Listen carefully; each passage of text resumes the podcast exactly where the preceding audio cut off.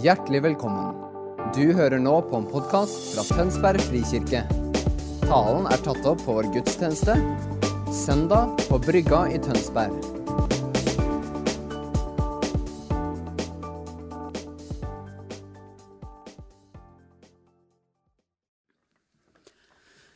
God søndag. Jeg må se litt på dere før jeg begynner. Jeg pleier jo bare å se nakkene deres, så det er litt artig å se menigheten fra denne vinkelen. Det burde egentlig alle fått muligheten til. Som dere ser, så sitter jeg istedenfor å stå. Og i tilfelle noen av dere lurer på hvorfor i all verden gjør jeg det, så skal jeg si noe om det med en gang, så kan dere legge vekk den tanken. Og det er at jeg er ikke noe god på å stå rett opp og ned.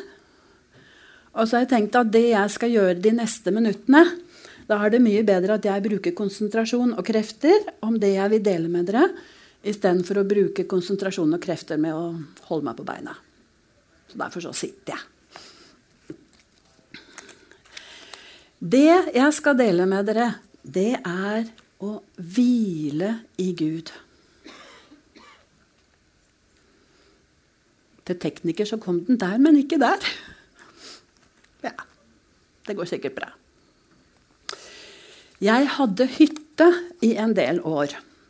Og i den hytta så var det vinduer med varevinduer.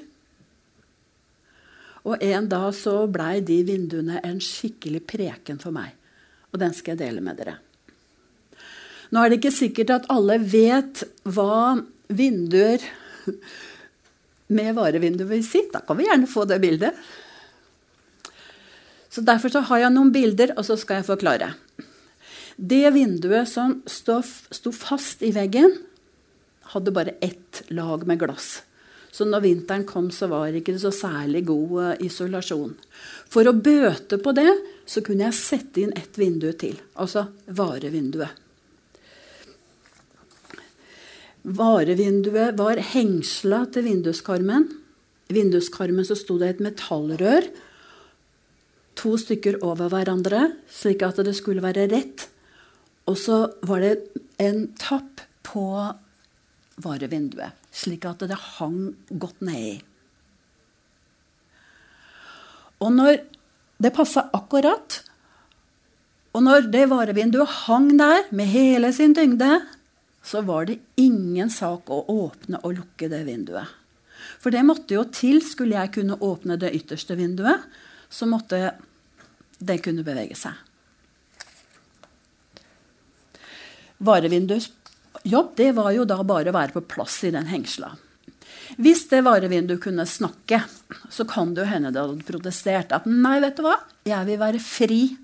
Jeg vil ikke bare være til for det ytterste vinduet. Jeg vil ha min egen verdi. Det varevinduet som kommer på neste, vindu, så, neste bilde, og som står her på gulvet, det vinduet er fritt. Men når vi tenker etter, hvor mye er det vinduet i stand til å gjøre? Det er laga for å åpnes og lukkes, men hvor mye kan det gjøre? Absolutt ingenting.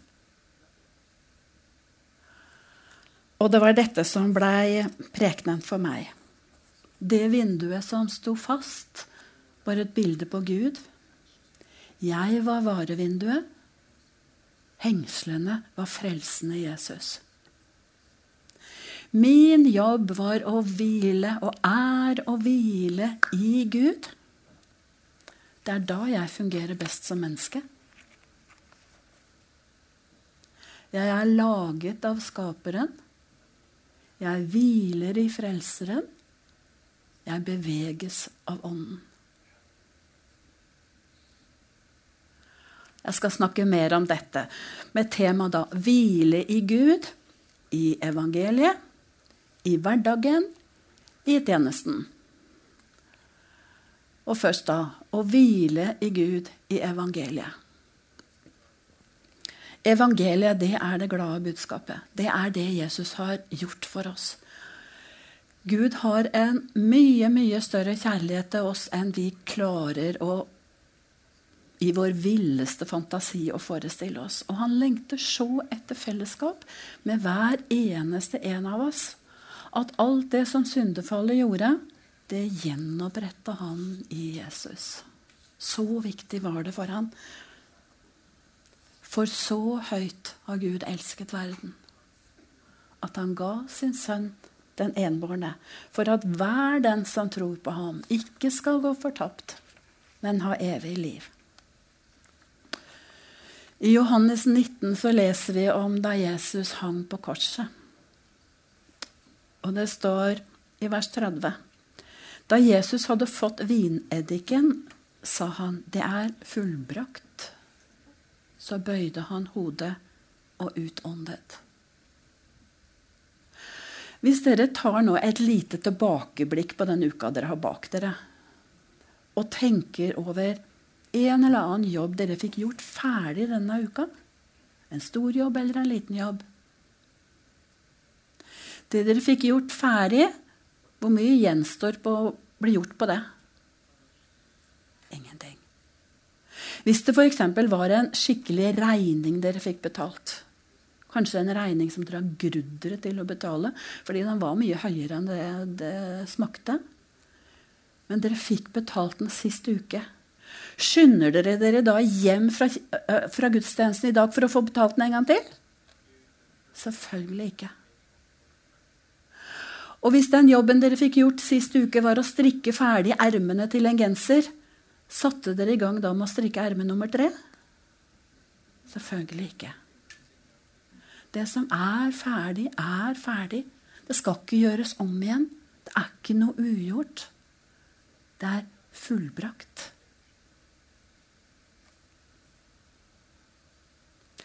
Det eneste som kreves av oss for å komme i livsfellesskap med Gud, det er at vi tar imot. Og dette kan være vanskelig for oss mennesker. Det er så mye lettere å skulle gjøre noe enn bare å ta imot. Men hvis vi prøver å gjøre noe på Frelsesverket, så er vi skikkelig seint ute. For dette gjorde Jesus ferdig for snart 2000 år siden. Og det var fullbrakt. Det var ferdig. Det var godt nok.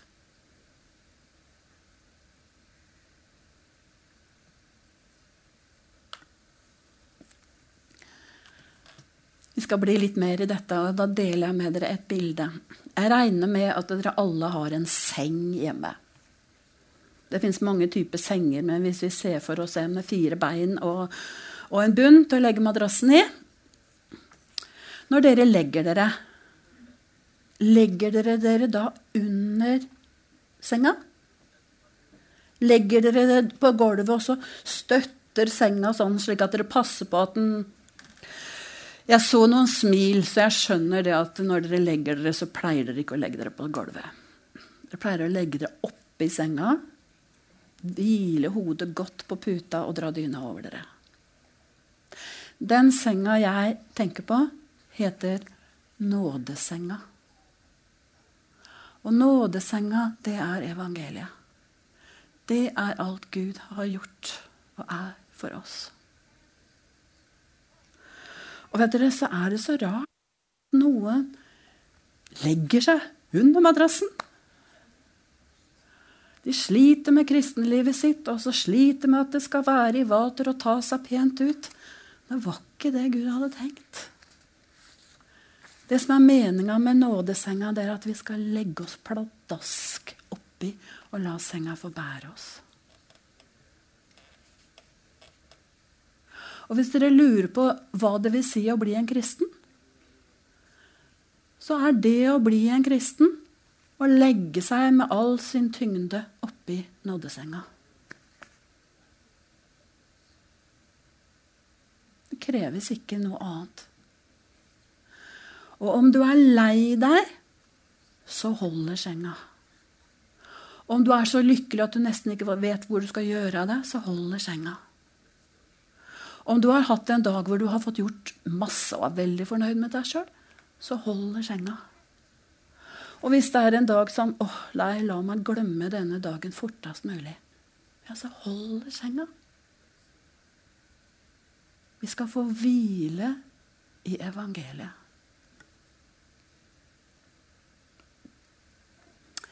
Og punkt to hvile i hverdagen. Det er jo flest hverdager. Og hverdagene innebærer så masse. Her er hus og hjem og økonomi og barn og jobb og skole og fritidsaktiviteter og trening og jeg veit ikke hva. Det er krav og forventninger til oss fra alle kanter. Og nyhetene kommer rett inn i stua vår med store temaer og skremmende temaer. Og vet dere, midt oppi det der så sier Bibelen, Filippenserne 4,4.: Vær ikke bekymret for noe. Men legg alt dere har på hjertet framfor Gud. Be og kall på ham med takk. Og Guds fred, som overgår all forstand, skal bevare deres hjerter og tanker i Kristus Jesus. Vær ikke bekymret. Det er ikke et påbud. Vær ikke bekymret er ikke en sånn kjempestor pekefinger. Nå må du virkelig ta deg sammen så du ikke bekymrer deg. Det er en helt annen kvalitet. Vær ikke bekymret er en gave. Det er noe vi skal få lov å leve i. Det er noe vi skal få hvile i. Hvis vi tenker på barna våre, og i hvert fall de små barna Hvor mye er de opptatt av familiens økonomi? Hvor mye er barna opptatt av om det er varme nok klær til vinteren? Hvor mye er barna opptatt av om det er mat på bordet neste gang de er sultne? Jeg vet at det er barn som er opptatt av disse tinga, og det er trist. For det skulle de ha sluppet. Det er voksenansvar. Og heldigvis. Jeg tror hun kan si at de fleste barn de tenker ikke over disse tingene engang. For de bare erfarer jo igjen og igjen og igjen at dette ordner foreldrene. Og når vi overfører det til vår relasjon til Gud Vi er Guds barn. Og Gud har omsorg for oss. Han tenker på de ting vi er opptatt av. Og han tar seg av ting lenge før vi har rukket å tenke på det. I Matteus 5 så står det 'vær ikke lik dem'. Altså I forrige vers så står det om hedningene, de som ikke kjenner Gud. Vær ikke lik dem, for dere har en far som vet hva dere trenger, før dere ber han om det.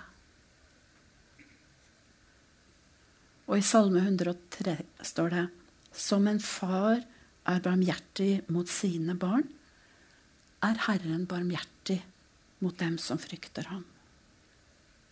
Og et vers til. Matteus 7. Når selv dere som er onde, vet å gi barna deres gode gaver, hvor mye mer skal ikke da deres far i himmelen gi gode gaver til dem som ber ham? Vi mennesker er utrolig dyktige på å bekymre oss. Og jeg har da nevnt noen ting. Altså økonomi, klær, mat. Og i tillegg så kan vi lage bekymring og strev ut av det å være kristen. At vi skal oppføre oss på en spesiell måte eller føle på en spesiell måte. Men det er ikke det som gjør oss som kristen. Det er som sagt det jeg nevnte i stad, å få lov å ligge og hvile i nådesenga. Og samme hva vi føler, samme hvordan vi har det, så er det bra nok for Gud. Vi skal få være der. Vi kan få lov å kalle det hellig avslappethet. Hellig likegyldighet. Kanskje er det nye ord. Dere behøver ikke å sluke dem, men dere kan jo tygge litt på dem utover dagen. For det tryggeste er jo ikke at jeg har oversikten, faktisk, men at Gud har oversikten.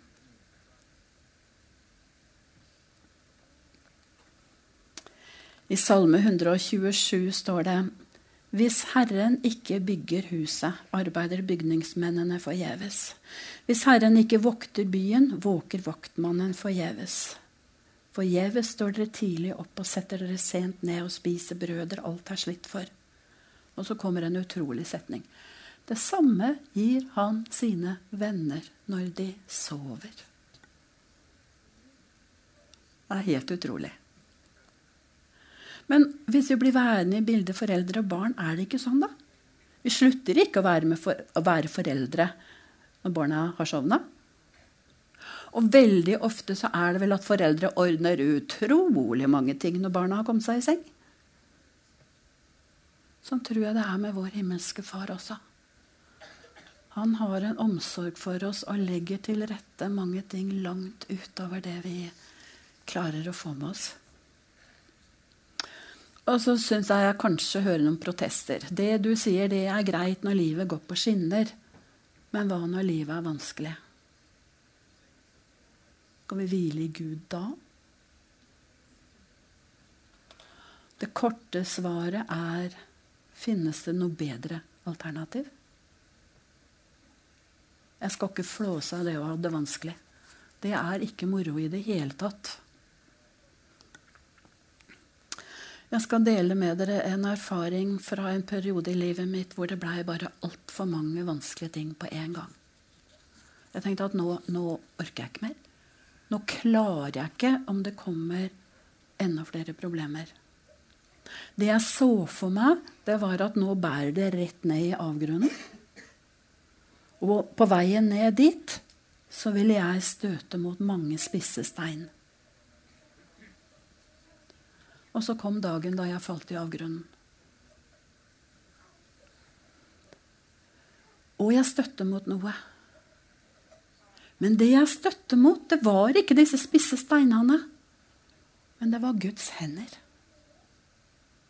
Jeg falt rett ned i Guds kjærlige hender. Og han førte meg ikke lenger ned og slapp meg av der nede. Men han løfta meg opp.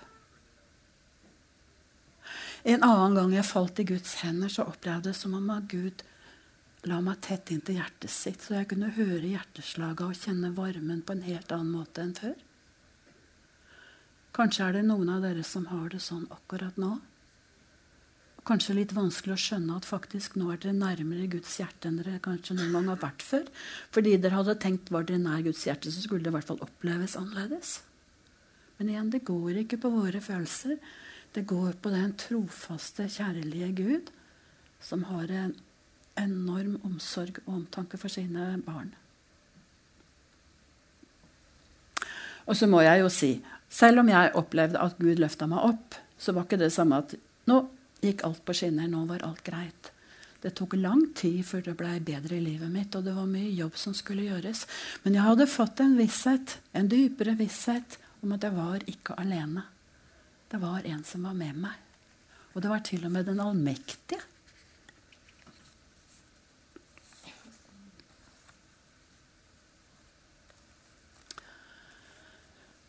Jeg syns jeg hører en del ganger at uh, mennesker sier ja, ja, men Gud måtte da gjøre noe. Han kan ikke bare la det skje. Jeg tror Gud gjør noe. Det ene er at han gjør noe med hjerteforholdet.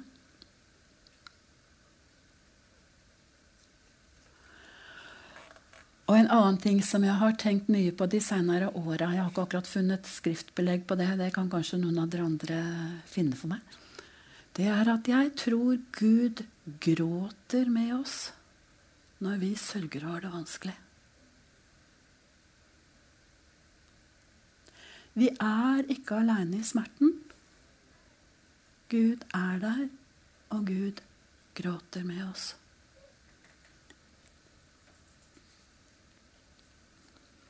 Noen ganger tror jeg det er min utålmodighet som gjør mest vondt. For når jeg i stedet får sette fokus på Gud, så vet jeg jo at han har en helt annen heft på hva som bør gjøres, og når det bør skje.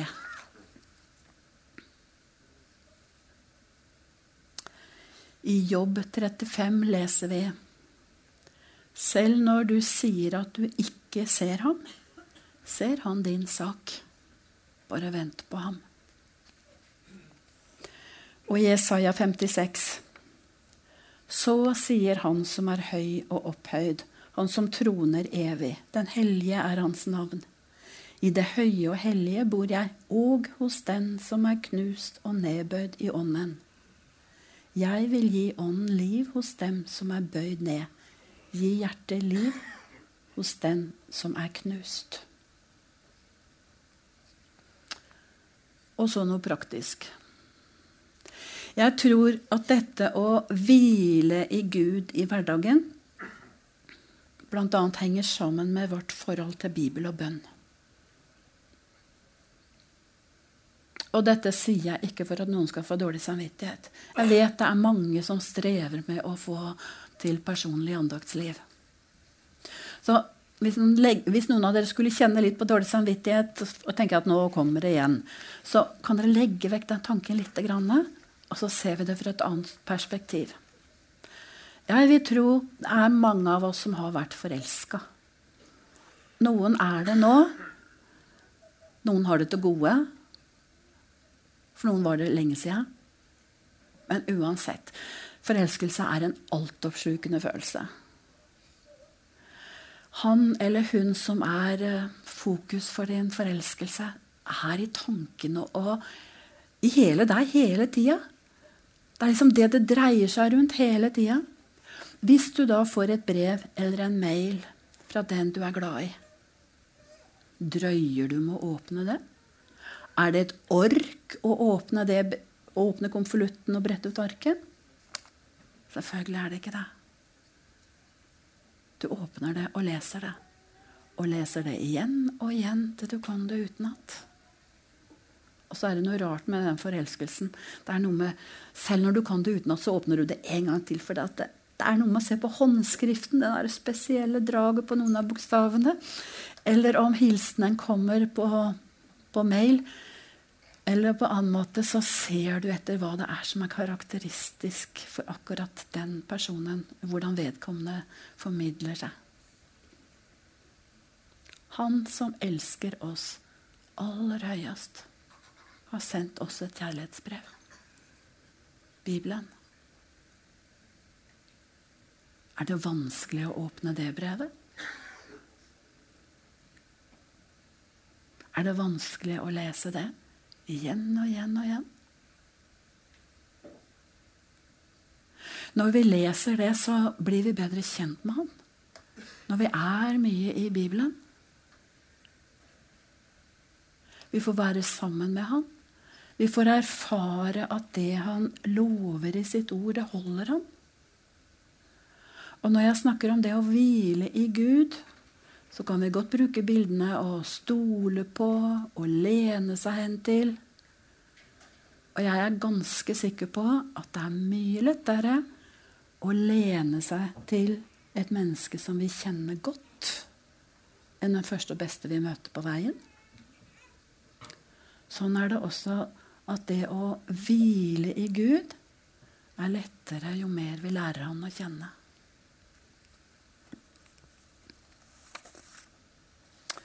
Og så det tredje punktet. Å hvile i Gud i tjenesten. Sist jul så var det et vers av sangen 'Nå vandrer fra hver en verdenskrog' som blei julesangen min. Ja, det blei egentlig hele juleevangeliet siste år. Og det lyder Og finner du ham i krybbens hø, som hyrder så, da eier du nok til freidig å dø og leve på. Det er et gammelt språk, men jeg tror vi skjønner det. Finner du Jesus, da eier du nok til å leve og dø uten frykt. Det er den samme sannheten vi finner i det første verset i Salme 23 i Bibelen. Herren er min hyrde. Jeg mangler ikke noe. Ja, vi tror vi har en del ganger i livet hvor vi kan protestere litt på den der setningen 'Jeg mangler ikke noe'. Og det kan også synes litt sånn selvmotsigende når salmisten snakker videre om både fiender og dødsskyggens dal. Og så er det likevel riktig. For det er noe med perspektivet og med fokus når vi eier Jesus. Når Gud er vår hyrde når vi lever sammen med Han, så mangler vi ikke noe.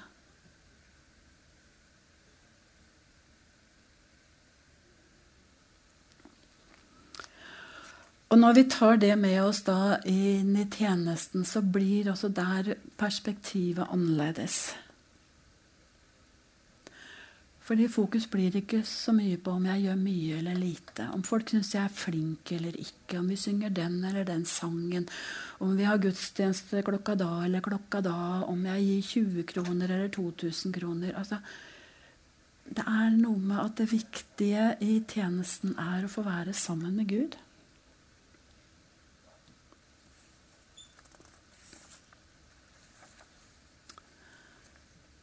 Ja, men skal vi ikke gjøre noe, da? Kan kanskje noen protestere. Skal vi ikke arbeide? Jo, vi skal arbeide. Jesus sa i Johannes 9.: Så lenge det er dag, må vi gjøre Hans gjerninger som har sendt meg. Det kommer en natt da ingen kan arbeide. Og i Matteus 28 finner vi misjonsbefalingen. Da trådte Jesus fram og talte til dem. Jeg har fått all makt i himmelen og på jorden. Gå derfor ut og gjør alle folkeslag til disipler. Døp dem til Faderens og Sønnens og Den hellige ånds navn, og lær dem å holde alt det jeg har befalt dere. Og se, jeg er med dere alle dager inntil verdens ende. Og en veldig praktisk ting. I Matteus 25 det dere gjorde mot en av disse mine minste søsken, har dere gjort mot meg, sa Jesus. Når vi er hos Jesus og fokuserer på han, at hans kjærlighet får være stor i våre liv, så ser vi gjenskinnet av Jesus i øynene på våre neste. Da blir det faktisk ikke så tungt å gjøre en ekstra jobb. For da gjør vi både, både for det mennesket vi har foran oss, men vi gjør det også for Jesus. Det var det som var hemmeligheten i gjerningen til moder Teresa i India. Hun så Frelseren i øynene på den fattige, på den syke og døende. Det gir et helt annet perspektiv. Regelen i klostrene var be og arbeid. Og Jesus er vårt store forbilde. Han arbeidet mye. Og han ba mye. Stadig var det mennesker rundt Jesus. Drøssevis av mennesker rundt Jesus. Og han helbredet, og han forkynte. Og Jesus var sant menneske. Og jeg har tenkt mange ganger han må da ha blitt forferdelig sliten. Når fikk han tid til å hvile? Eller når fikk han tid til å spise? Jesus hvilte i tjenesten, og han åpenbarte for disiplene sine hvordan han hvilte i tjenesten. I Johannes 5 leser vi Jesus tok til orde og sa til dem, sannelig, sannelig, jeg sier dere, Sønnen kan ikke gjøre noe av seg selv, men bare det han ser sin far gjøre. Det far gjør, det gjør sønnen. For å få til det må han ha vært mye i stillhet med Gud. Stillhet med far, og det vet vi at han var. Vi leser bl.a. om eh, natta før han valgte de tolv disiplene. Tolv apostlene. Vi leser i Lukas 6. På den tiden gikk han en gang opp i fjellet for å be, og hele natten var han der i bønn til Gud. Da det ble dag, kalte han til seg disiplene sine, og av dem valgte han ut tolv, som han også kalte apostler. Dersom Jesus trengte mye tid sammen med far, så trenger vi også mye tid i stillhet sammen med far.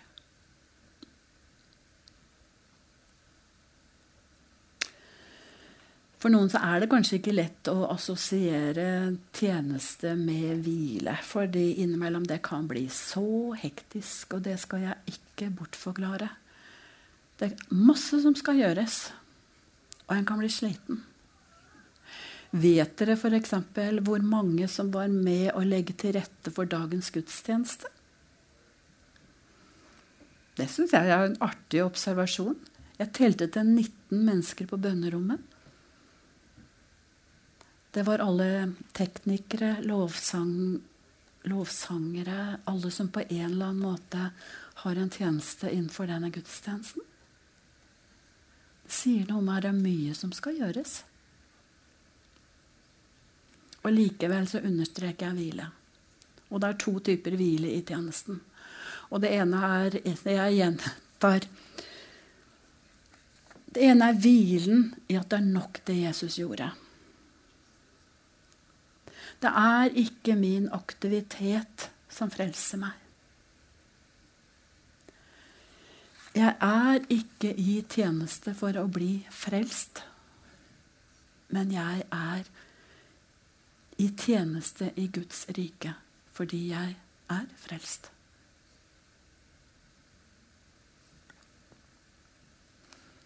Og det andre er å hvile mens vi er aktive.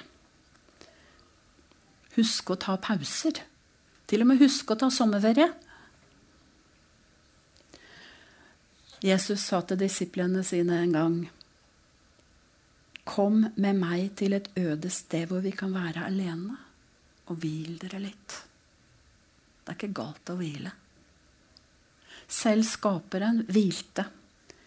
Vi leser om det i Første Mosbok 2. Den sjuende dagen fullførte Gud det arbeidet han hadde gjort. Og den sjuende dagen hvilte han fra hele det arbeidet han hadde gjort. Og hvis vi da tenker tjeneste og den illustrasjonen med vinduene mine på hytta, så hendte det jo at varevinduet kunne åpnes og lukkes enormt mange ganger i løpet av en dag. Det var liksom ikke fred å få. Men det var jo greit. Vinduet hang der, og det, det kunne gjøres. I andre perioder var det helt stille, og det var ikke fordi vinduet var glemt, men fordi eieren ønsket at det skulle være åpent hele tida eller lukket hele tida. I begge situasjonene så hvilte varevinduet i hengslene. Og så til avslutning så blir vi litt mer i dette bildet fra hytta. Vinduene, vinduet i veggen står fast. Det minner oss om at Gud er stødig og urokkelig. Hengslene står i karmen. De står fast. De rokkes ikke. De to små tappene på varevinduet passer helt perfekt oppi metallrøra. Hengslene fungerer. De er laget helt nøyaktig for å passe sammen, slik at vinduet kan hvile der med hele seg, og dermed funksjonere maksimalt. På samme måte skal vi få hvile i det Jesus har gjort. Det er hos ham vi hører hjemme. Apostlenes gjerninger 17. For det er i ham vi lever, beveger oss og er til. Når vi hviler i Jesu frelsesverk, setter Ånden oss i bevegelse, slik at vi til fulle kan fungere ut fra det Gud har skapt oss til. Lykke til.